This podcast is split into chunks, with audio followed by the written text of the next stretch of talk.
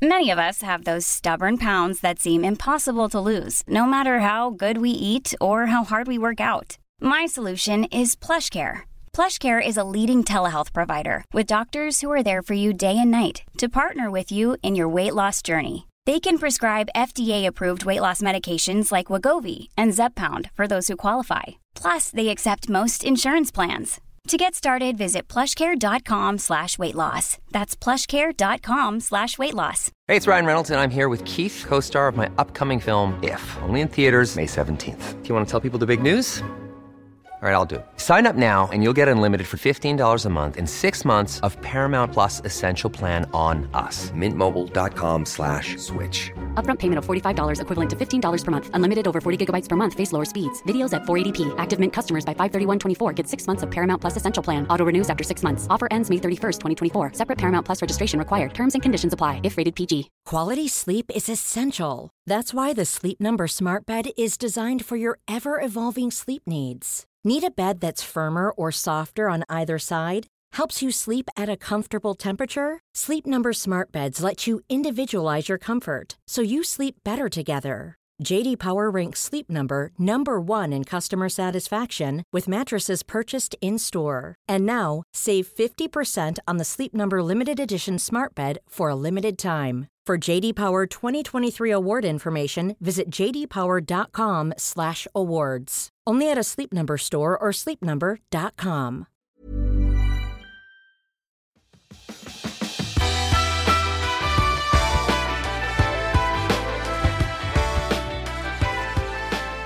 Välkommen till Klimakteriepodden med mig, Åsa Melin.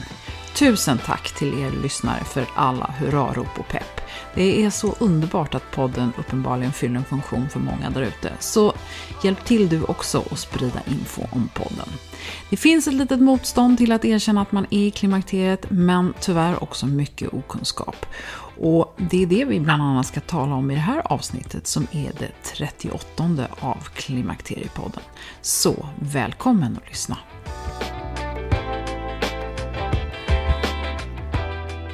Anna-Lena Eriksson, välkommen till Klimakteriepodden. Tack så mycket. Du är jurist eh, och i botten, och det jobbar du som, men du är också förläggare och författare till boken Jag känner inte igen henne. Och det är en bok för män som inte förstår vad som händer med kvinnan och relationen runt 50.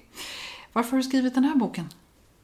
Jag har skrivit den för att jag tyckte att den saknades. Jag letade efter en bok ungefär som den här boken när jag själv kände att det hände någonting med min kropp. Och jag hittade ingen bok. Sen så började jag läsa och leta och det fanns väldigt lite skrivet om eh, klimakteriet och eh, då tänkte jag efter ett tag att jag får väl börja skriva för att eh, det saknas. Det fanns också en, en viss jag tyckte att det, det, var lite en skymf mot oss kvinnor att inte det fanns så mycket skrivet om det här. Så jag kände väl efter ett tag när jag hade letat eh, information att det här måste vi nog ändra på. Här måste jag nog gå in och eh, göra en insats helt enkelt för oss kvinnor. Mm. Ja, vad bra. Ja. Eh, när jag hittade dig från början så var det under klimakterieresan på Instagram. Och jag tror faktiskt inte jag hade hittat dig eh, på bokens titel, för den heter ju då eh, Jag känner inte igen henne. Och jag hade nog inte reagerat på det. Du har ju i och för sig en undertitel som står reflektioner om klimakteriet, men det gäller ju att man verkligen ser boken då. Eh, och sen så tänker jag också på det här med liksom eh, du har också valt att vända den till män, men jag är nyfiken på först, hur, hur valde du titeln? Ja, jag har tänkt på det lite grann eh, nu eh, på slutet här när jag har fått boken i handen och sådär. Och jag kan ärligt säga att jag vet inte riktigt hur jag valde den. Den bara kom till mig rätt sådär av sig själv tror jag när jag höll på. För på något sätt så växte det fram en bild hos mig och det är den här bilden av en man som står där lite förvirrat och kliar sig i huvudet och inte känner igen sin kvinna längre. Och hur ska han kunna göra det när kvinnan själv står där och knappt känner igen sig? Och jag kände någon sorts empati för den här mannen som kanske liksom lite tog, inte tog det personligt. Men kvinnan då? Jag trodde ju då att den här informationen har alla kvinnor och de flesta kvinnor kan det här. Det är bara jag som inte vet. Det är bara jag som inte har hittat den här boken. Så att jag, jag hade den utgångspunkten från början. Okej, okay, så därför ser du männen. Du förklarar för männen, för alla kvinnor kan redan. Ja, så trodde jag att det var från början. Ja. Sen insåg jag att det inte var det. Men då hade jag på något sätt hittat det här spåret. Och var lite grann på det och då kände jag sådär att ja, med lite upplysning här så, så kanske vi kan skapa lite förändring. För någonstans så, så finns det ju ett behov av förändring och eh, lite upplysning är alltid bra att börja med tycker jag. Mm. Och, och då när du, liksom nu när du vet eh, vad, att du har den här titeln och du vet att en del kanske inte förstår vad den handlar om. Känns det fortfarande som en bra titel? Eller hade du, om du skulle trycka om den, hade du ändrat det? Eller hade du dragit upp det här med klimakteriet mer? Eller hur? Nej, jag tror nog inte att jag hade det. Nej. Det känns, det känns okej okay. och jag känner mig ganska glad över den idag. Ja, den är väldigt vacker. Tack. Eh, men jag måste också fråga, varför har du valt det här med att den är för män? Är det bara för att du tycker att de behöver förstå sin kvinna som står liksom bredvid? Eller hur? Alltså, är det lite ett sätt att ge den oupplysta kvinnan en ursäkt? Eller hur? Så kanske jag tänker lite grann nu. Att eh, om jag tänker på vem som kommer förhoppningsvis att köpa boken. Så ja, Förmodligen så kommer nog en del kvinnor att göra det och läsa den och sen ge den till sin man. Eller ge den till sin man och lite smygläsa den kanske. Jag vet inte riktigt. Men jag tror att många kvinnor kommer uppskatta den och, och eh, för det förstår jag nu så här efteråt att kvinnor vet inte alls så mycket som jag trodde från början. Men, men jag tror att den är bra för eh, om man, man ser på hur vi kvinnor har det så behöver ju vi på något sätt få männen att förstå vad vi vill att de ska förstå. Mm. Och här är ju lite grann, läs det här så kan vi prata sen. Mm. För så här behöver så här behöver vi bli förstådda. Så här behöver vi mötas för mm. att det ska bli bra för oss. Ja, för, för mig så känns det helt självklart att det är en bok som alla kvinnor borde läsa. För den är väldigt informativ och jag skulle vilja påstå att det är som en handbok. Eh, och så innehåller den lite filosofiska saker som gör att det blir liksom lätt och, och flyt i den. Och sen så är det ju lite grann som en uppslagsbok också. Eh, så att jag tycker ju, om jag ska vara ärlig, att kvinnor i första hand och sen kanske män i, i andra, det är väl toppen liksom. Och sen så unga kvinnor kan man ju tänka sig också. Mm. Eh, men hur har reaktionen på boken varit hittills? Det har varit jätteskojigt. Först och främst alla som, som man möter, som jag möter när jag säger att jag skriver om klimakteriet. Där, där kvinnor kan säga såna här saker som Åh, vad modig du är. Mm. För jag förstår inte riktigt modet i det här. Jag tycker det är så självklart och så naturligt och så roligt. Och, men det är ändå så roligt att mötas av någon som säger vad modig du är. Det är mm. jätteroligt. Och, och sen andra som säger, oh, men äntligen någon som tar tag i det här och som gör någonting och det behövs. Och, och jag förstod inte själv som sagt var från början att behovet var så himla stort. Det tog ett tag av sökande och letande och så insåg jag att oj, jaha men så här är det faktiskt. Det finns, en, eh, det finns ett behov av en bok av, av den här typen, vilket mm. är fantastiskt roligt. Mm. Jätteskoj. Mm. Och, och, tror du att den kommer liksom, för den är ju inte daterad, så jag känner så här att den skulle ju kunna leva väldigt länge. Eller hur känner du själv när du gör nästa upplaga? Är det någonting som behöver uppdateras redan, eller hur känns det? Precis så var det. Jag har medvetet gått in och gjort justeringar ju längre in i processen jag själv har kommit. För jag har insett att den här boken kommer förmodligen att kunna finnas kvar för det kommer hela tiden nya kvinnor in i klimakteriet som förhoppningsvis kommer att köpa den här till sin man och sig själva då. Eh, och, och det behöver inte stå att så här är det 2018 för det kommer kanske att vara ungefär likadant om 10 år, om 20 år. För att mm. det står det, det som står där är inte som du säger särskilt eh, uppdaterat precis på 2018 utan det kommer nog gälla ett tag. Mm. Berätta lite grann, du fyller snart 50 själv för att du, och du började med att säga att du själv var lite chockad över hur lite du kunde om klimakteriet. Kan du inte berätta om, om, om behovet av den här boken ur egen synvinkel? Mm. Jag hade ingen aning om att det fanns en fas i klimakteriet som kallas förklimakteriet. Jag var helt omedveten om den fasen. Jag visste inte vad det var för någonting. Nu vet jag att det är en, en tid av en eh, omställning för en kvinna som kan vara väldigt, väldigt tuff. Den behöver inte vara det, men för väldigt många kvinnor är den det. Och jag tror att den kanske är så här tuff för att man inte har någon aning. Man blir överraskad av det som händer i kroppen. Och det som händer är en, en psykologisk förflyttning, tycker jag, i, i en kvinnas själ egentligen. Man känner liksom att man är klar med en massa saker och man letar efter nya saker. Man kanske inte känner igen sig själv och man, man känner sig kanske väldigt upp och ner i humöret och, och vissa kvinnor säger att de känner sig på gränsen till tokiga. Och Förr i tiden så tog man kvinnor till psyket i den här fasen. Jag har hört om kvinnor som har fått elchocker i den här fasen. Jag, jag förstår att eh, det här är en period som, som man skulle verkligen behöva lyfta upp och förklara för kvinnor och för män och för samhället att det är en hormonomställning som påbörjas i en kvinnas kropp och den skapar en obalans. Mm. Och den måste man på något sätt ta hand om. Men här har vi ju ett enormt problem, det vet ju jag med podden också, att jag skulle ju egentligen vilja att kvinnor lyssnade på podden som var 35-40 så att de var beredda på det här. Och det är ju samma sak med din bok. Egentligen borde alla läsa den här redan i skolåldern och sen så har den liksom allt eftersom. Det finns ju ett problem med det här. Vi har ju liksom eh, vi har ju ett problem med att åldras och inte vilja höra om det här som kommer sen. Ja men helt sant. Och jag har haft precis samma diskussion och eh, försökt eh, komma till rätta med hur jag ska göra. För också någonstans ungefär mitt inne i processen så kände jag exakt det du beskriver. Jag skulle helst av allt vilja nå kvinnor i 40-årsåldern med boken. Mm. Och deras män naturligtvis. Men, men först och främst kvinnorna. Men sen också deras män. För det är där någonstans som man behöver ha koll på de här bitarna. Det här är vad jag är på väg in i. Det här är vad som kommer att hända med mig nu. Mm. Och när man vet, då blir det oftast enklare. Mm. När man har kunskap så, så blir det oftast mycket lättare. Men hur, hur gick det till för dig då? Du, du började, alltså innan det gick upp för dig att det var klimakteriet som du var i, vad är det du hade upplevt då? Jag hamnade i total blodbrist.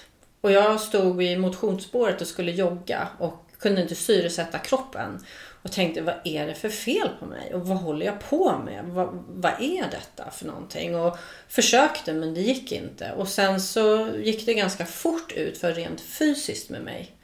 Alltså jag var rätt nere på botten ett tag faktiskt. För att eh, jag förstod inte att jag var i klimakteriet och att jag var i förklimakteriet och att det var det här som många beskriver med att man kan få väldigt, väldigt rikliga blödningar innan blödningarna upphör. Där var jag. Och när man är där så behöver man ta hand om sig. Det gjorde inte jag. Jag körde på i samma tempo och nästan ökade när det började komma. Och sen så skilde jag mig också i samma veva. Och där någonstans så, så var jag verkligen i botten. Och, och då började jag fundera och läsa vad är det som händer med kroppen. Det pågick också en, en omställning inombords. Jag ville någonting annat än där jag var. Mm. Det låter ju som att det var ganska mycket på en gång. Och det har vi ju hört i flera andra avsnitt. Att, att ta tag i en skilsmässa i det här läget är, det är tufft alltid. Och göra det dessutom under de här klimakterieåren gör att det blir extra tufft. Tror du att klimakteriet hade med skilsmässan att göra? Ja, på ett sätt så tror jag det. Men till att börja med så kanske jag skulle vilja säga att det är inget man rekom vill rekommendera någon att göra samtidigt. För klimakteriet och skilsmässa är verkligen två riktigt tuffa saker samtidigt. Men kanske att det finns en... Oftast så läser man och så, så hör man talas om att kvinnor som, som kommer till klimakteriet känner en känsla av dels lite grann att det är nu eller aldrig. Och jag vet inte om det, det var det som till viss del gav mig kraft att ta tag i det som jag kände att jag behövde ta tag i. Men också lite grann att eh, den här känslan av att jag bryr mig inte så mycket om vad andra tycker längre. Jag bryr mig om vad jag själv tycker och vad jag själv mår bra av och vad jag behöver göra och vad jag kan göra för någonting och fortfarande vara nöjd med mig själv. Vad andra tycker och tänker om vad jag gör och så vidare, det, det får en väldigt liten betydelse mm. när man kommer fram till klimakteriet. Och kanske att det hjälpte mig att ta steg som jag behövde ta. Mm. Det, det, är möjligt att det satt ihop på det viset. Mm. Men när du var så där nere på botten då, hur, vad fick dig att ta dig upp och hur, vad, vad, hittade du information? Vad, vad, liksom, vad gjorde du? För det första så fick jag ju då järn. Det, ja. det var ju fantastiskt alltså att, att tillsätta järn och det går ganska fort när man har blod, eller det gjorde det för mig. Jag fick järn och eh, men just att insikten om var jag befann mig någonstans var jätte... Det tog lång tid innan jag tog mig till, till vården. Mm. Eh, men när jag väl fick det och jag fick järn och började lite grann kolla upp på nätet. Vad kan jag läsa om klimakteriet? Vad är det som händer med kroppen? Och varför blöder jag så mycket och varför känner jag mig så orolig och så vidare. Så ja, då, då började den här eh, insikten om att jag borde ha haft en bok. Någon borde ha berättat för mig att det är det här som sker, det är det här vi går igenom. Mm. Hur, hur, har du gjort eh, research för boken? Jag blir nyfiken nu eftersom det inte det fanns ju ingen information. Vad, vad, hur hittade du information? Hur, hur, kunde du skriva boken? Ja, jag har, jag har tror jag läst det som finns att läsa. Både i svensk och utländsk eh, litteratur. Och det finns en del, det gör det. Det är ju fel att säga att det inte finns någonting. Men väldigt mycket är ju eh, väldigt gammaldags. Mm. Men man får lite grann läsa mellan raderna och där finns ändå en del information tycker jag som fortfarande går att applicera på, på eh, 2018. Sen finns det ju sådana här nya poddar som din podd som jag har lyssnat på. Jag hittade några andra saker på nätet eh, som jag tittade på och lyssnade på och så vidare. Och ja, la ihop ett och ett helt enkelt och eh, pratade väldigt mycket med kvinnor runt omkring mig och så vidare. Och så finns det ju ett par stycken forum på nätet som jag var inne och läste lite i och tittade på. Det finns två stycken riktigt bra amerikanska böcker som har en lite annan vinkel på klimakteriet som jag läste som jag tyckte väldigt mycket om. Mm. Så att uh, ungefär så gick det till. There's never been a faster or easier way to start your weight loss journey than with PlushCare. PlushCare accepts most insurance plans and gives you online access to board-certified physicians who can prescribe FDA-approved weight loss medications like Wigovi and Zepbound for those who qualify. Take charge of your health and speak with a board-certified physician about a weight loss plan that's right for you. Get started today at plushcare.com slash weight loss. That's plushcare.com slash weight loss. plushcare.com slash weight loss. Hold up. What was that? Boring. No flavor. That was as bad as those leftovers you ate all week. Kiki Palmer here, and it's time to say hello to something fresh and guilt-free. Hello Fresh. Jazz up dinner with pecan-crusted chicken or garlic butter shrimp scampi. Now that's music to my mouth. Hello Fresh. Let's get this dinner party started. Discover all the delicious possibilities at HelloFresh.com. Since 2013, Bombas has donated over 100 million socks, underwear, and t shirts to those facing homelessness. If we counted those on air, this ad would last over 1,157 days. But if we counted the time it takes to make a donation possible, it would take just a few clicks. Because every time you make a purchase, Bombas donates an item to someone who needs it. Go to bombas.com slash ACAST and use code ACAST for 20% off your first purchase. That's bombas.com slash ACAST, code ACAST. Det är härligt att klimakteriets tabu äntligen är på väg bort. Vill man försöka klara sig utan hormonbehandling så finns nu många nya kosttillskott som lovar bland annat hormonell balans och som ska stötta brister. Jag vill lyfta min räddare i nöden, Femarel. Det har inte bara varit min utan många andra kvinnors räddning i över 20 år. Och med lång tid på marknaden, med nöjda användare, dessutom med 20 forskningsstudier så vågar jag säga att det kan vara en god idé att prova Femarel. Femarel finns på apoteken och i hälsokostbutiker. Tack Femarel som varit min samarbetspartner i många år. I, av naturliga skäl så finns det ju ett eh, avsnitt som heter Förklimakteriet. Eh, och du har ju precis beskrivit det, att just det där för att vi inte begriper att vi är i det så är det ju också väldigt svårt att liksom veta vad som är vad. Eh, och vi har båda två hört mycket från kvinnor, det var lite det vi var inne på innan, jag är inte där än. Eller liksom, varför håller du på med det där? Mm. det där? Och så bara skrattar man lite grann, att ja, jo, det är du visst det, fast liksom Ja, det, det finns ju liksom ganska mycket förnekelse i det här. Hur tycker du man ska hantera det? Alltså, det är svårt det här tycker jag. För att fortfarande så finns det tyvärr någon sorts eh, hysch och skam och, och så vidare i många kretsar runt eh, klimakteriet. Och många kvinnor känner inte heller igen det här med förklimakteriet som vi har pratat om. Eh, många tror jag på fullaste allvar eh, har inte en aning om att de är i förklimakteriet eller påverkade så att det är inte konstigt att de svarar på det viset. Vad, man skulle, vad jag skulle vilja säga till de kvinnorna du är nog i förklimakteriet och det är kanske därför du känner för den här förändringen som du pratar om just nu. Den är en väldigt typisk eh, känsla som en kvinna i förklimakteriet brukar ha. Man letar efter kreativitet, man letar efter ett nytt jobb, man vill gå tillbaks till gamla studier. Man känner sig rastlös i, i största allmänhet. Och eh, på något sätt så, så tror jag att man får närma sig det här på rätt sätt. Man, när man möter kvinnor som inte vill kännas vid det så får man nog kanske mera beskriva hur man har det själv och låta kvinnor själva bestämma vad de vill säga och inte vill säga. Men ju mer information man kan få ut via poddar och böcker och annat, desto lättare blir det ju naturligtvis. Mm. Och det är ju så märkligt att det fortfarande är på det här viset. Mm. Det ligger någon sorts filt över alltihopa tycker jag fortfarande.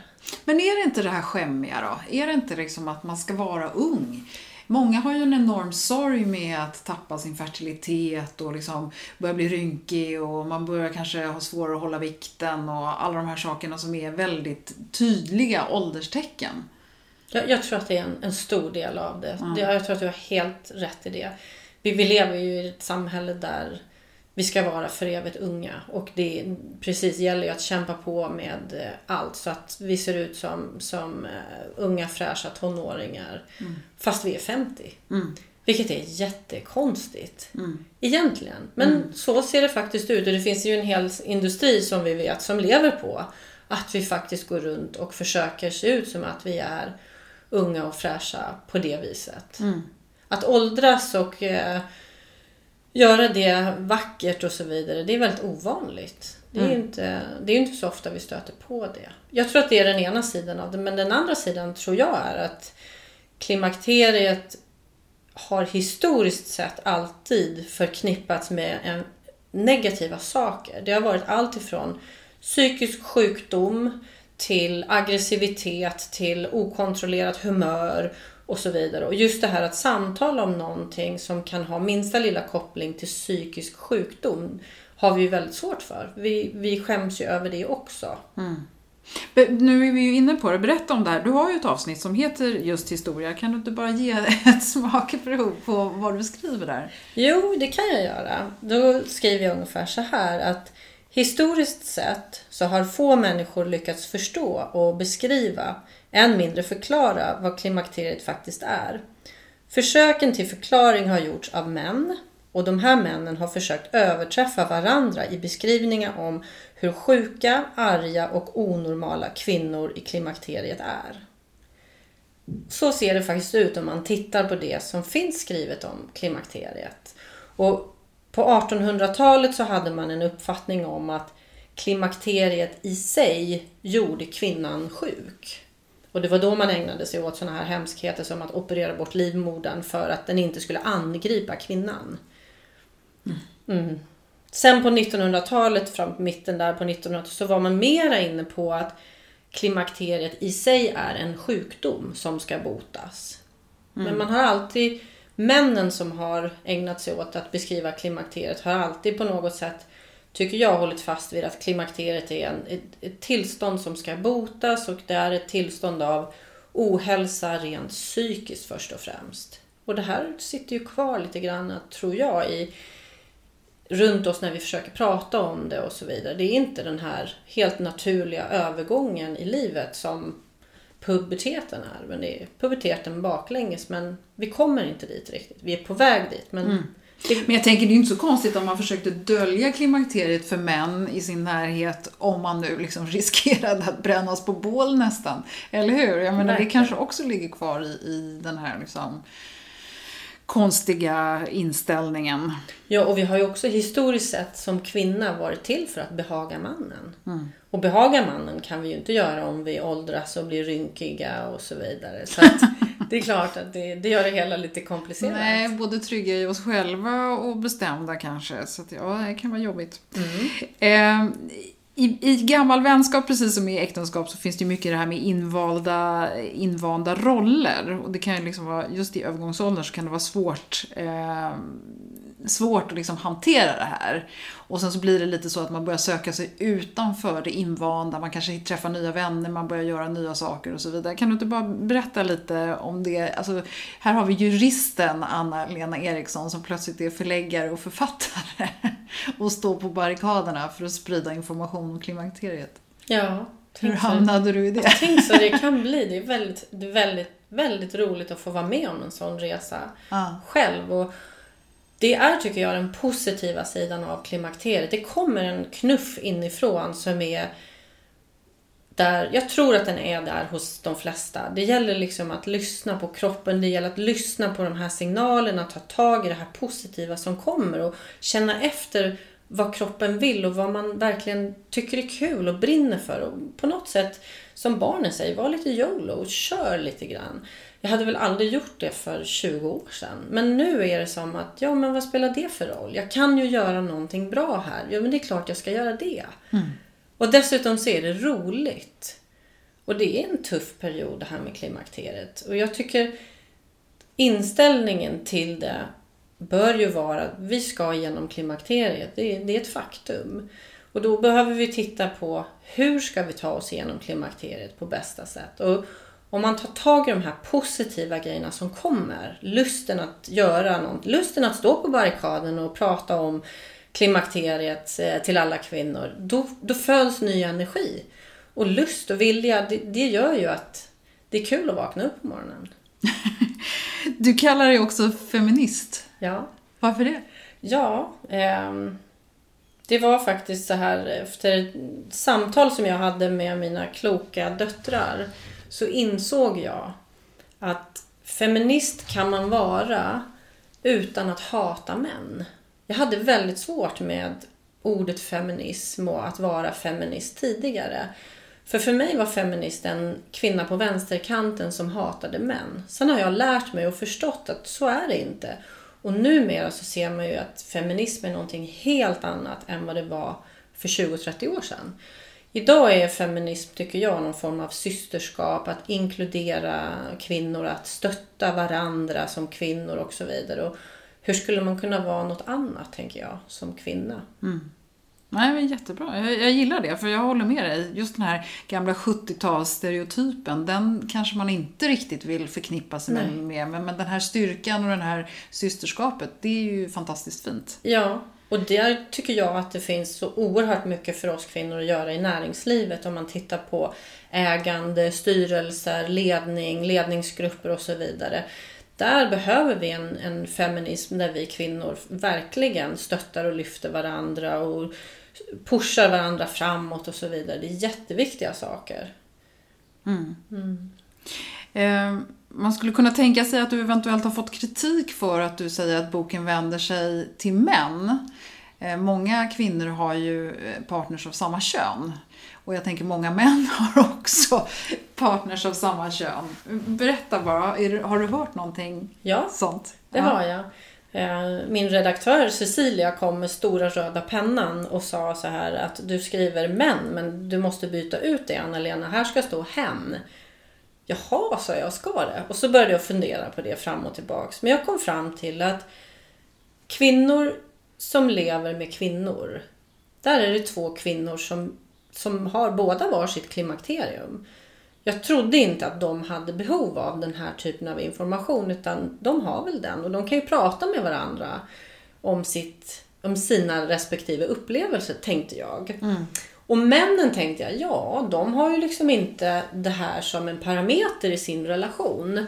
Män som lever med män har ju överhuvudtaget inte den här parametern. Så att då blev det naturligt så här att nej den här är faktiskt för de relationer som består av en kvinna och en man. Så därför valde jag att gå helt emot min redaktör och säga att det ska faktiskt stå män här. Mm. Du, eh, jag tänker så här att eh, du har ju beskrivit lite grann det här med sökande och rastlösheten och, och, och sådär. Nu har du ju varit i klimakteriet ett tag, du har skrivit boken, du har tagit tag i den här. Hur, hur mår du i ditt klimakterium idag? Tack, jag, jag tror att jag mår ganska bra i mitt klimakterium idag. Jag, jag har varit igenom en, en eh, inre resa i förklimakteriet som har varit jobbig, både psykiskt men också fysiskt med den här blodbristen och så vidare. Och någonstans så tror jag också att jag nu vet så pass mycket om klimakteriet så att jag kan ta hand om mig på, på rätt sätt. Om man nu kan säga att det finns ett rätt sätt. Men det som jag känner för mig är rätt sätt. Och jag är ganska medveten om vad som ska hända och hur det ska hända och vad jag kan göra och vad jag kan känna och vad jag inte ska kanske låta hända utan ta tag i och så vidare. Och det tror jag gör att det här är lite lättare. Så vad är ditt bästa tips till eh, lyssnarna här nu och dina medsystrar? Förutom att få sina partners att läsa, läsa boken och läsa boken själva kanske man ska tillägga också. Att verkligen ta sig själva på största allvar vad det gäller hälsa. Att inte sätta det på hold i en endaste situation. Det är för sent. Det finns ingen tid för det längre. Det gäller verkligen att fokusera på att ta hand om sig på rätt sätt.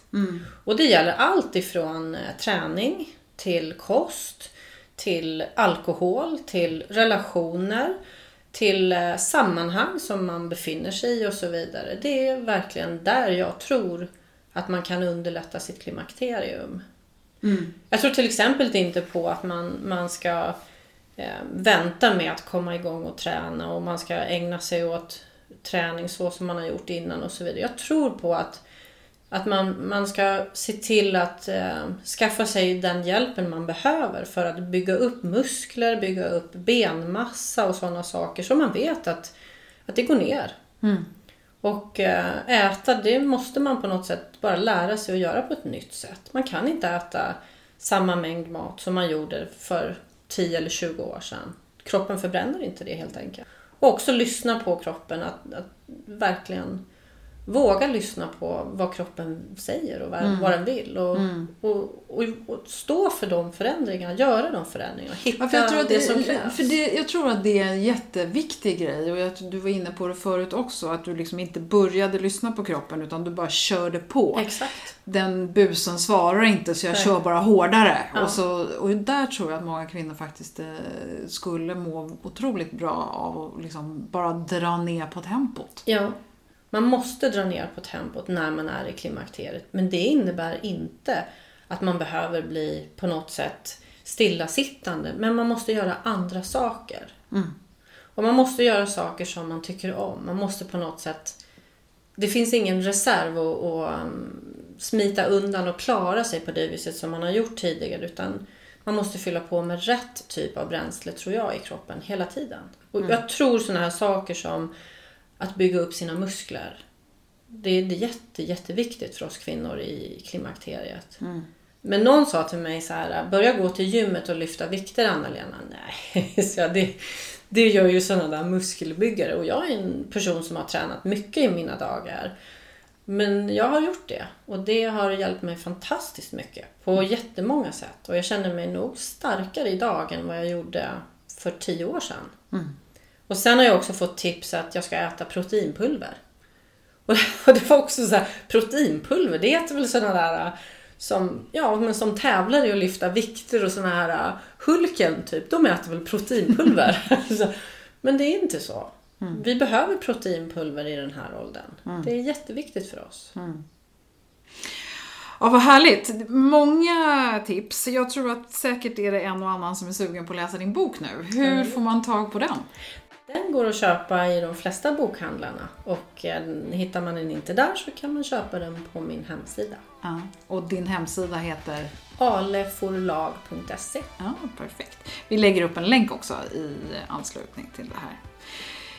Vad blir nästa bok? Vad blir nästa projekt? Det känns som att det lutar åt eh, hur man tar hand om sig i klimakteriet. Tips och råd och inspiration framför allt. Mm. Ja, vad bra. Ja, men då ser vi fram emot det. Okej. Tack för att du kom till Klimakteriepodden idag. Tack så mycket för att jag fick komma hit. Ja. Ja, men ärligt, öppet och modigt. Bra där, Anna-Lena. På klimakteriepodden.se och Facebook-sidan hittar du en länk till Anna-Lenas hemsida om du vill läsa mer om hennes bok. Och så har jag skrivit upp de amerikanska böcker som hon nämnde i avsnittet. Vill du se Anna-Lena live så finns det en länk till Nyhetsmorgon där hon var gäst ganska nyligen och talade om sin bok. I nästa avsnitt så ska du få höra professor Andrea Janasani. Det var nästan så jag fick nypa mig i armen när Nordic Consumer Health som bjöd honom till Sverige frågade om jag ville intervjua honom. Hans CV är helt otrolig när det gäller gynekologi och obstetrik. Han är knuten till universitetet i Pisa och han är ordförande i både europeiska och internationella gynekologiska föreningarna. Han har skrivit 42 böcker och över 800 medicinska studier i ämnet gynekologi. Och det lovar jag är ett intressant avsnitt, så missa inte. Och under tiden så hoppas jag att du sköter om dig, lyssnar på tidigare avsnitt och går in och gillar och följer Klimakteriepodden på Facebook och Instagram. Och vill du komma i kontakt med mig, Åsa Melin, så kan du mejla på info.klimakteriepodden.se. Tack för att du har lyssnat och hoppas du är med snart igen. Hej då!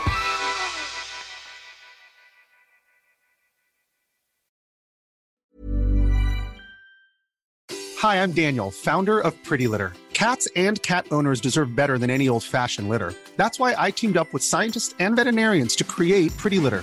Its innovative crystal formula has superior odor control and weighs up to 80% less than clay litter. Pretty Litter even monitors health by changing colors to help detect early signs of potential illness. It's the world's smartest kitty litter. Go to prettylitter.com and use code ACAST for 20% off your first order and a free cat toy. Terms and conditions apply. See site for details. Hi, I'm Daniel, founder of Pretty Litter. Cats and cat owners deserve better than any old fashioned litter. That's why I teamed up with scientists and veterinarians to create Pretty Litter. Its innovative crystal formula has superior odor control and weighs up to 80% less than clay litter. Pretty Litter even monitors health by changing colors to help detect early signs of potential illness. It's the world's smartest kitty litter. Go to prettylitter.com and use code ACAST for 20% off your first order and a free cat toy. Terms and conditions apply. See site for details.